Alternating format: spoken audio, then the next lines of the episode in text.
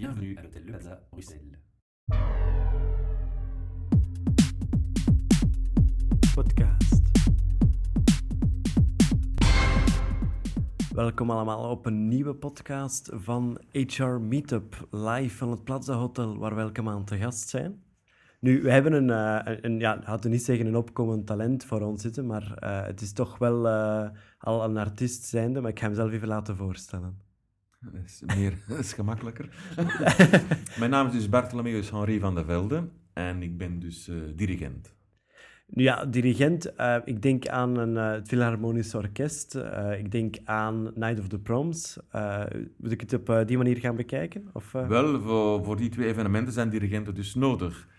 Maar ik dirigeer dus orkesten inderdaad. ja, dat klopt. Nu, waar is het eigenlijk allemaal begonnen voor u? Zeer jong, want ik wou eigenlijk geen dirigent worden. Ik wou eigenlijk rockstar worden. En eh, toen ik zeer klein was, zong ik altijd voor eh, mijn vrienden. Ik sprong op tafel en ik pakte de gitaar en ik begon te zingen. Naar het beeld van een bepaalde rocker? Natuurlijk, eh, mijn idolen waren Alice Cooper en Deep Purple, Roger Daltrey. Zo, als u die mensen kent, dan weet u ongeveer, ongeveer welke Welke ouderdom stijl. of welke, wanneer ik geboren ben.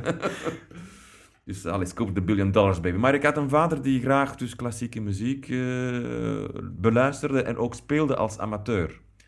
En die had zelf een amateurorkest opgebouwd, dus hij wou absoluut dat een van zijn zonen ook klassieke muziek deed. En hij had vrienden, en een van zijn vrienden waren dus beroepsmensen in de klassieke muziek.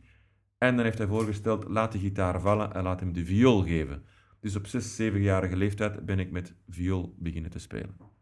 En dat heb ik tot bijna lange tijd, ik speel nog viool. Ik heb, dat, ik heb ook beroepsviolist geweest. Maar langzaam is het dirigeren daarin gekomen en nu doe ik louter dirigeren. Dus. Nu, ja, het dirigeren zelf, ehm, want ja, heel veel mensen gaan ervan uit dat dat eh, iemand is die daar eh, Het stokje staat te zwaaien. voilà, Harry Potter gaat spelen. Ja, ik, ik zeg soms tegen, zeg tegen mijn muzikanten, ik maak alleen maar wind en ik doe het begin van het stuk, wanneer het begint, en ik laat zien wanneer het eindigt. En dan sla ik het af. Dat is een beetje eenvoudig gezegd. Er komt veel meer bij kijken. Want eigenlijk dirigeren is een, eh, een levensvisie.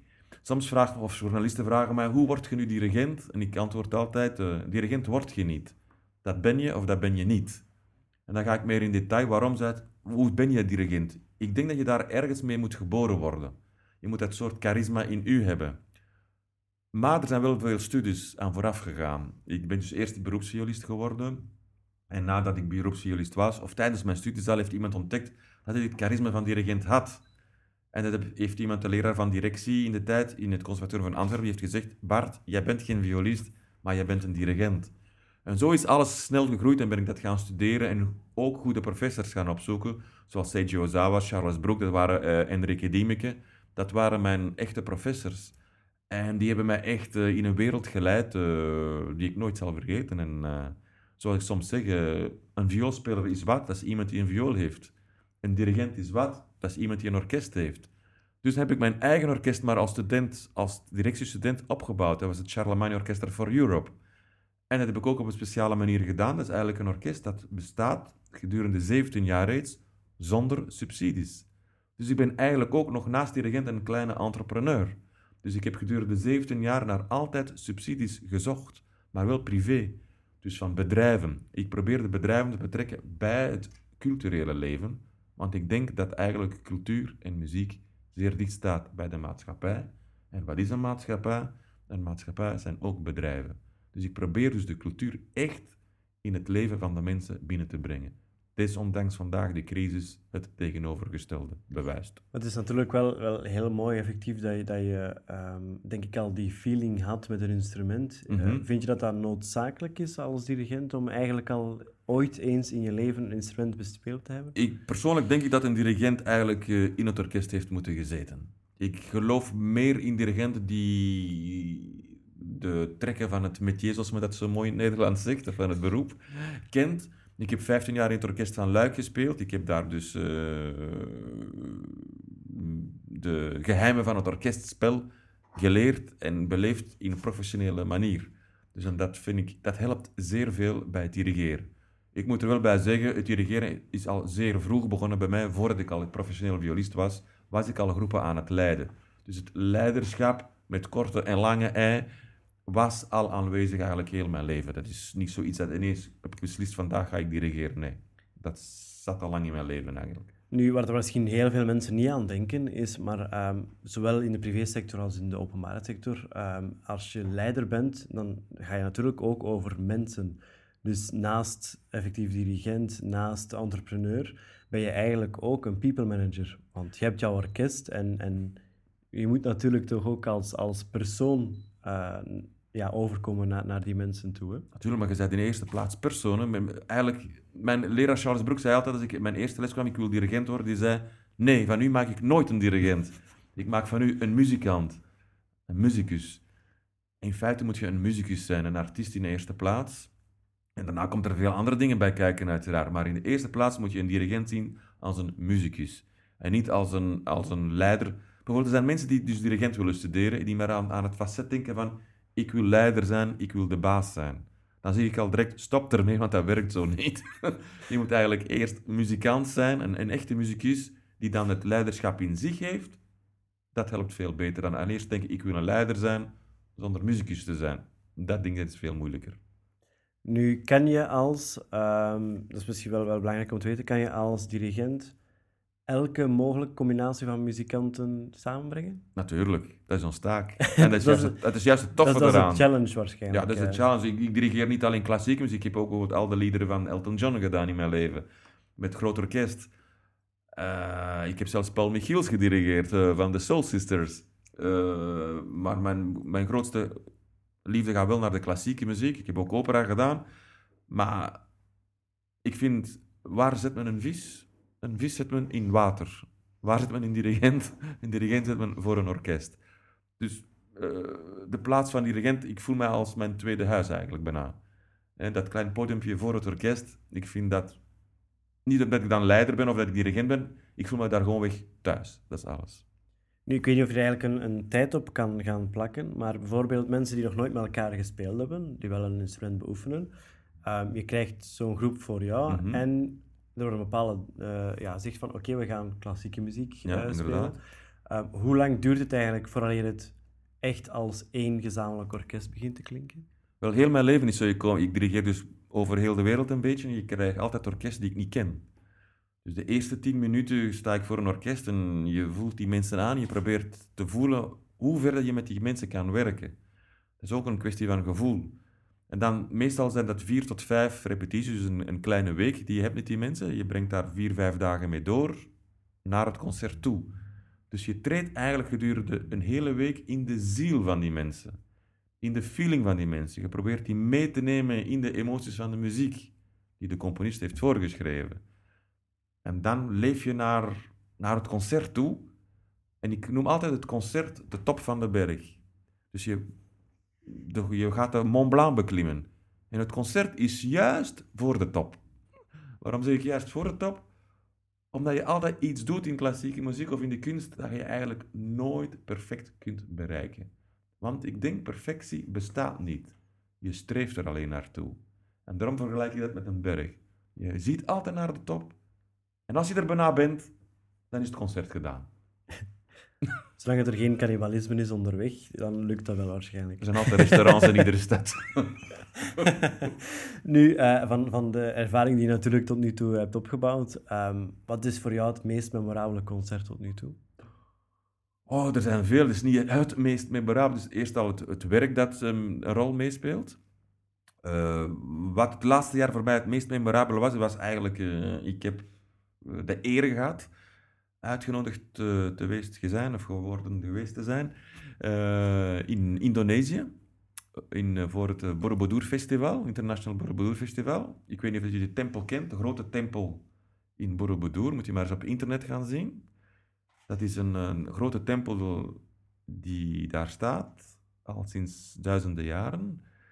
En ik heb daar de vijfde van Beethoven mogen dirigeren voor die tempel, terwijl de tempel helemaal verlicht was. En op de repetitie was het druipende aantrek. Er stond natuurlijk een tent voor ons.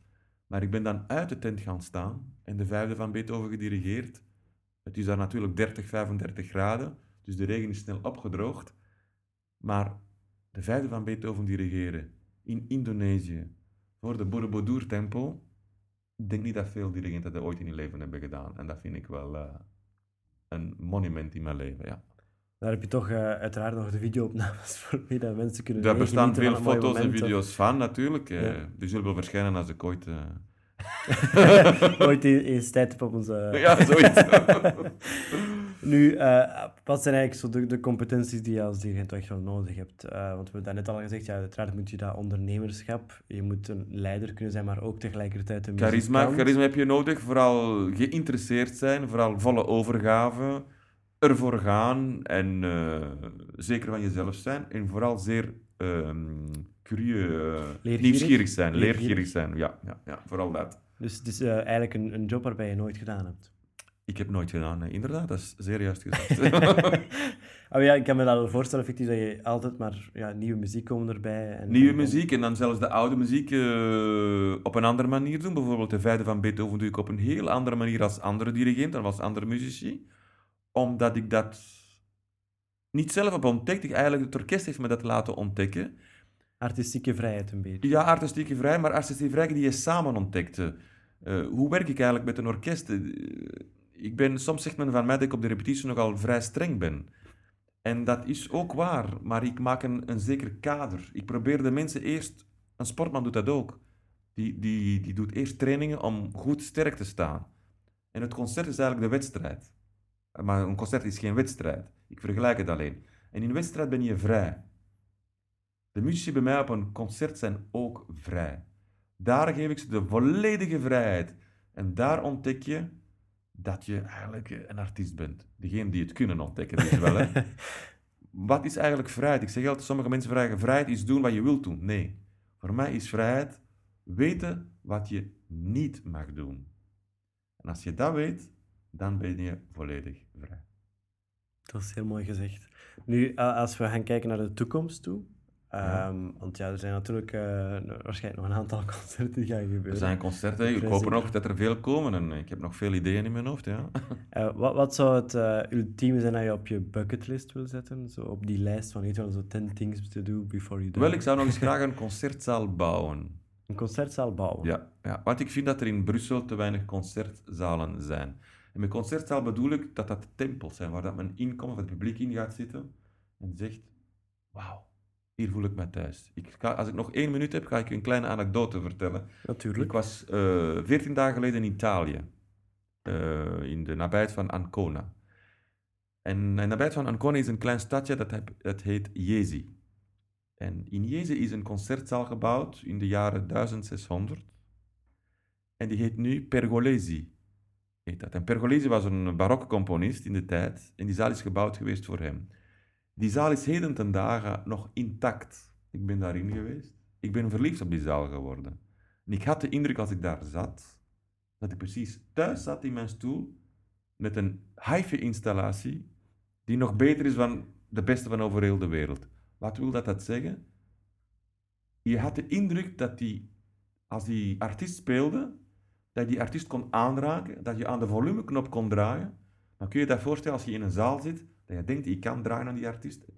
Die, die brengt u zoveel emoties en dit is alleen maar door de artiest en de akoestiek. Wel, een zaal heeft ook een persoonlijkheid. En ik denk dat Brussel zo'n zaal nog nodig heeft. Dus voor mensen die aan het luisteren zijn, die denken van, eh, goh, ik wil ook zo'n project opwerken, dan kunnen ze eigenlijk altijd contacteren daarmee. Inderdaad, en met veel plezier. Nu, Hier, hier in de plaza is een speciale zaal, de theater. ja, Dus ja, een geclasseerde zaal effectief hier Ja. in het Plaza Hotel. eh, is een zeer mooie zaal. Ik weet natuurlijk niet hoe het zit met de akoestiek. Nu, ehm, ik kan me wel voorstellen dat, dat je effectief eh, al in verschillende zalen bent terechtgekomen Ja. waar dat de akoestiek, akoestiek juist niet zo eh, top was. ja, dat bestaat, maar we hebben toch wel in Brussel moeten ook vier zijn, want eigenlijk, eh, ik heb geleerd in Zuid, ik heb veel gedirigeerd in Zuid-Amerika, dan vierheid te hebben. We hebben toch één goede zaal en ik ben blij dat de Belgen dat toch wel gedaan hebben, dus het Flagey gered, want de Studio 4 van Flagey is wel een fantastische zaal. Ik heb ook al in slechte zalen geweest, maar dat is dan onze verantwoordelijkheid, zoals ik straks al heb gezegd. Wij moeten dan een andere manier van spelen aanwerven om toch een mooie klank bijvoorbeeld in een zeer droge zaal te doen. En dat gaat dus ook. Dus, dus het, als ik het goed begrijp, het concert past zich... Allee, ja, het orkest, laten we zeggen, De past zich muzikanten eigenlijk aan... passen zich aan aan de zaal. Wij hebben er geen keuze. Hè? Dus het is effectief, want ja, dat is iets bijvoorbeeld wat de mensen niet gaan weten, is dat afhankelijk van, van de zaal dan, van de akoestiek, dat het orkest wel, laten we zeggen, een beetje fine-tuned, zodat het eh, een optimale ervaring is. Een goede zaal is een must in ons leven, ja. Kijk eens aan. Nu, waar kunnen we eigenlijk eh, gaan volgen op het internet? Eh, mensen, voor alle fans die... die Wel, eh, u die typt gewoon mijn naam op het internet, zoals de meeste mensen dat doen. Mijn volledige naam, Bartholomeus Henri van de Velde. En dan zal u wel zien wat er tevoorschijn komt. Kijk eens aan. Bedankt voor jouw tijd vandaag. Graag gedaan. En, eh, zeker en vast tot de volgende keer. Dank u. Podcast.